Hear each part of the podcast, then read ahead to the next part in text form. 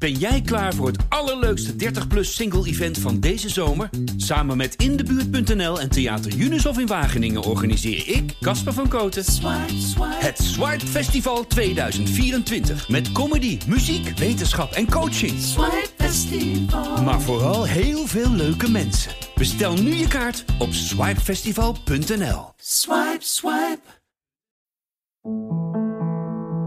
Die affaire was een tijdelijke gekte. Een soort vlucht ook, denk ik. Ik vond en vind het verschrikkelijk om Emma's verdriet te zien en om me te realiseren wat ik allemaal kapot heb gemaakt. Welkom bij aflevering 10 van In Relatietherapie bij Annette Heffels. Leuk dat je luistert. Sinds 2001 beschrijft psycholoog Annette Heffels elke week in Margriet therapiesessies die in haar eigen praktijk hebben plaatsgevonden. Voor deze podcast selecteerden we 10 bijzondere afleveringen die je doen afvragen: komt het nog goed? Kan deze relatie worden gered? Dit keer het verhaal van Emma en Guus. Emma voelde zich erg gesteund door haar man toen ze borstkanker had. Tot ze een telefoontje kreeg van zijn minnares. Ik heb altijd het volste vertrouwen gehad in hem en in ons. We hebben zoveel samen meegemaakt en hebben elkaar altijd kunnen steunen. Toen ik borstkanker kreeg en het er aanvankelijk niet goed uitzag, omdat er uitzaaiingen waren, heeft hij me in dat hele proces gesteund. De behandeling en alle operaties waarbij mijn borst werd verwijderd en daarna een reconstructie met complicaties heb ik kunnen doorstaan omdat hij er was voor me. Na de behandeling heb ik eerst een tijdje geen borst gehad. Ik vond dat vreselijk. Had het gevoel dat Guus het net zo afstotelijk zou vinden als ik mezelf vond. Tegelijk was ik bang voor nog een operatie, ook door alle publicaties over problemen met implantaten. Voor Guus hoefde de reconstructie niet, maar omdat ik zo leed onder de verminking, stond hij erachter toen ik koos voor een reconstructie met eigen weefsel. Inmiddels is dat vier jaar geleden en de angst dat de kanker terugkomt is minder aanwezig. Ik begon net weer een toekomst te zien toen ik, nu twee jaar geleden, een telefoontje kreeg van haar. Ze vertelde dat ze al ruim twee jaar een relatie had met Guus en dat hij van haar hield, maar uit medelijden bij mij bleef. Dus vond ze dat ik moest weten wat er speelde en dat ik hem moest loslaten. Ik dacht dat de grond onder me wegzakte. Natuurlijk heb ik Guus meteen gebeld op zijn werk. Ik dacht dat hij zou zeggen dat het een telefoontje was van een gestoord iemand. Maar dat zei hij niet. Hij zei dat hij er op dat moment niet op wilde reageren, maar dat we erover zouden praten als hij die avond thuis zou komen. Ik heb hem gevraagd of het klopte wat ze zei en hij zei: Voor een deel. Toen heb ik geëist dat hij meteen naar huis zou komen, want ik kon niet de rest van de dag in die onzekerheid blijven. Thuis heeft hij toen alles verteld. Zijn verhaal was anders dan wat zij door de telefoon zei. Hij moet dat zo meteen maar zelf vertellen. Zijn versie kwam erop neer dat ze in al die tijd maar een paar keer seks hadden gehad en dat alles op haar initiatief was geweest, waarbij ze hem dreigde dat ze het op zijn werk zou vertellen als hij het contact zou verbreken, zodat hij in een probleem zou komen. Ze was namelijk een stagiaire, veel jonger dan hij en hij was haar begeleider. Dus het was heel fout.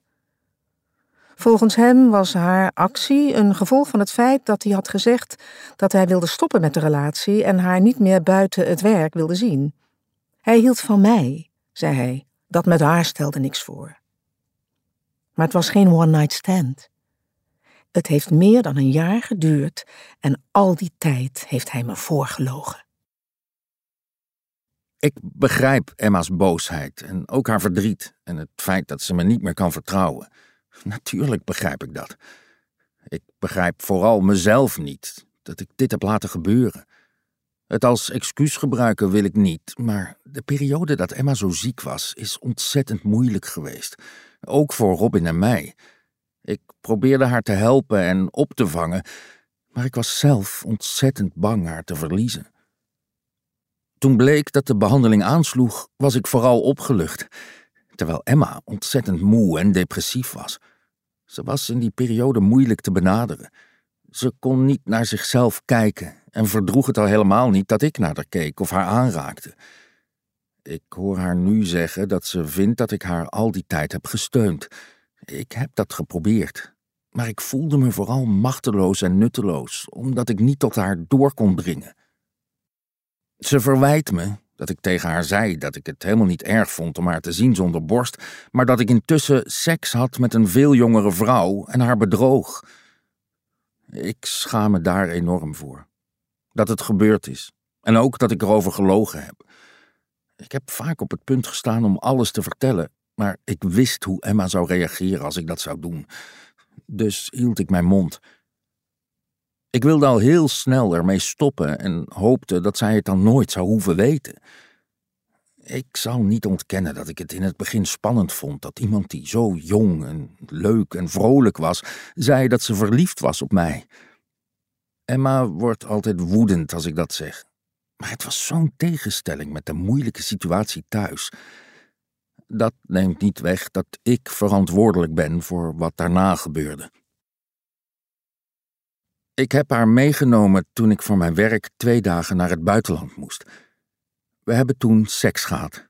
En daarna is het nog een aantal keren gebeurd, waarbij ik me steeds meer door haar onder druk gezet voelde. Ze zei dan dat ze gek op me was, maar ook dat ik haar gebruikt had en dat ze niet zonder me kon. Ik wilde het stoppen, maar wist niet goed hoe. Ik wilde haar niet het gevoel geven dat ze niks voor me had betekend en dat ik haar liet vallen nu ik mijn zin gekregen had. Kortom, ik raakte er steeds meer in verstrikt. En naarmate het langer duurde, begon zij ook meer te dreigen met alles bekendmaken. Eerlijk gezegd was ik opgelucht toen Emma mij ermee confronteerde. Ik vond en vind het verschrikkelijk om haar verdriet te zien en om me te realiseren wat ik allemaal kapot gemaakt heb. Maar het ergste vind ik dat ik haar niet duidelijk kan maken dat ik al die tijd van haar heb gehouden en dat deze affaire daar niets in heeft veranderd. Het was een tijdelijke gekte, een soort vlucht ook, denk ik. Maar alles wat ik daarover zeg, maakt haar alleen maar bozer. Ontrouw is bijna voor alle paren een aanslag op het vertrouwen en de veiligheid in de relatie. Er ontstaat een crisis met heftige gevoelens van verdriet, boosheid, jaloezie, angst en schuldgevoel. Vooral als de relatie met die ander lang geheim is gehouden en er veel is gelogen en bedrogen, duurt het lang voor het vertrouwen terug is. Paren doorlopen daarbij een aantal fasen.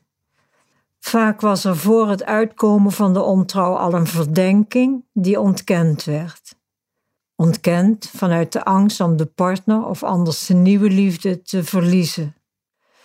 Daarna, als de ontrouw ontdekt is, moet een keuze gemaakt worden. De tijd rondom die keuze kan bij paren die voor de vaste partner kiezen niet alleen maar verdrietig zijn. Het kan ook een intensieve en zelfs bij momenten mooie periode zijn. Paren kiezen namelijk opnieuw en nu meer bewust voor elkaar. Ze beseffen dat ze opnieuw hun best moeten doen voor elkaar en voor de relatie. Het verwerken van de ontrouw en het weer opbouwen van het vertrouwen komt na de keuze, en dat is moeilijker. Therapie kan helpen om al die heftige gevoelens te benoemen en te begrijpen. Want alleen als er begrip is, kun je echt doorvoeld zeggen dat het je raakt en oprecht spijt dat je de ander zoveel pijn hebt gedaan.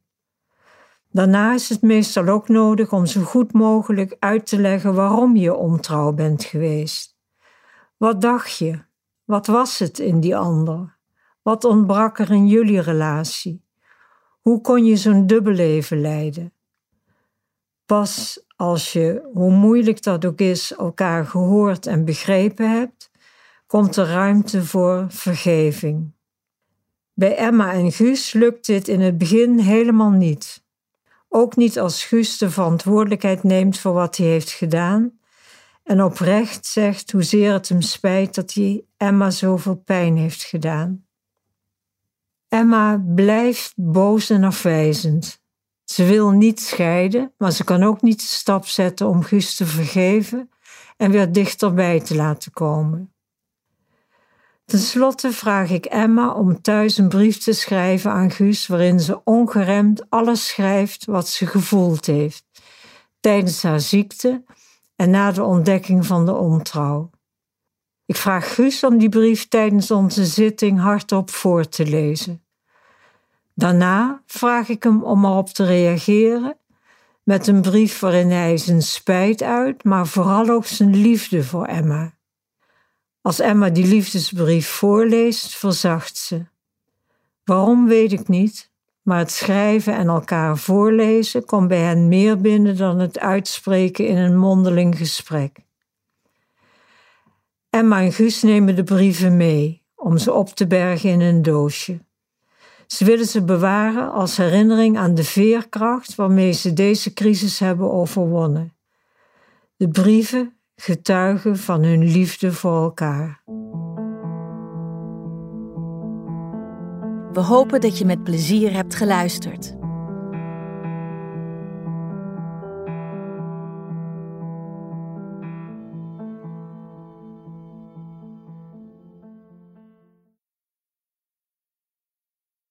Ben jij klaar voor het allerleukste 30-plus single-event van deze zomer? Samen met Indebuurt.nl en Theater Junushof in Wageningen organiseer ik, Casper van Koten, het Swipe Festival 2024. Met comedy, muziek, wetenschap en coaching.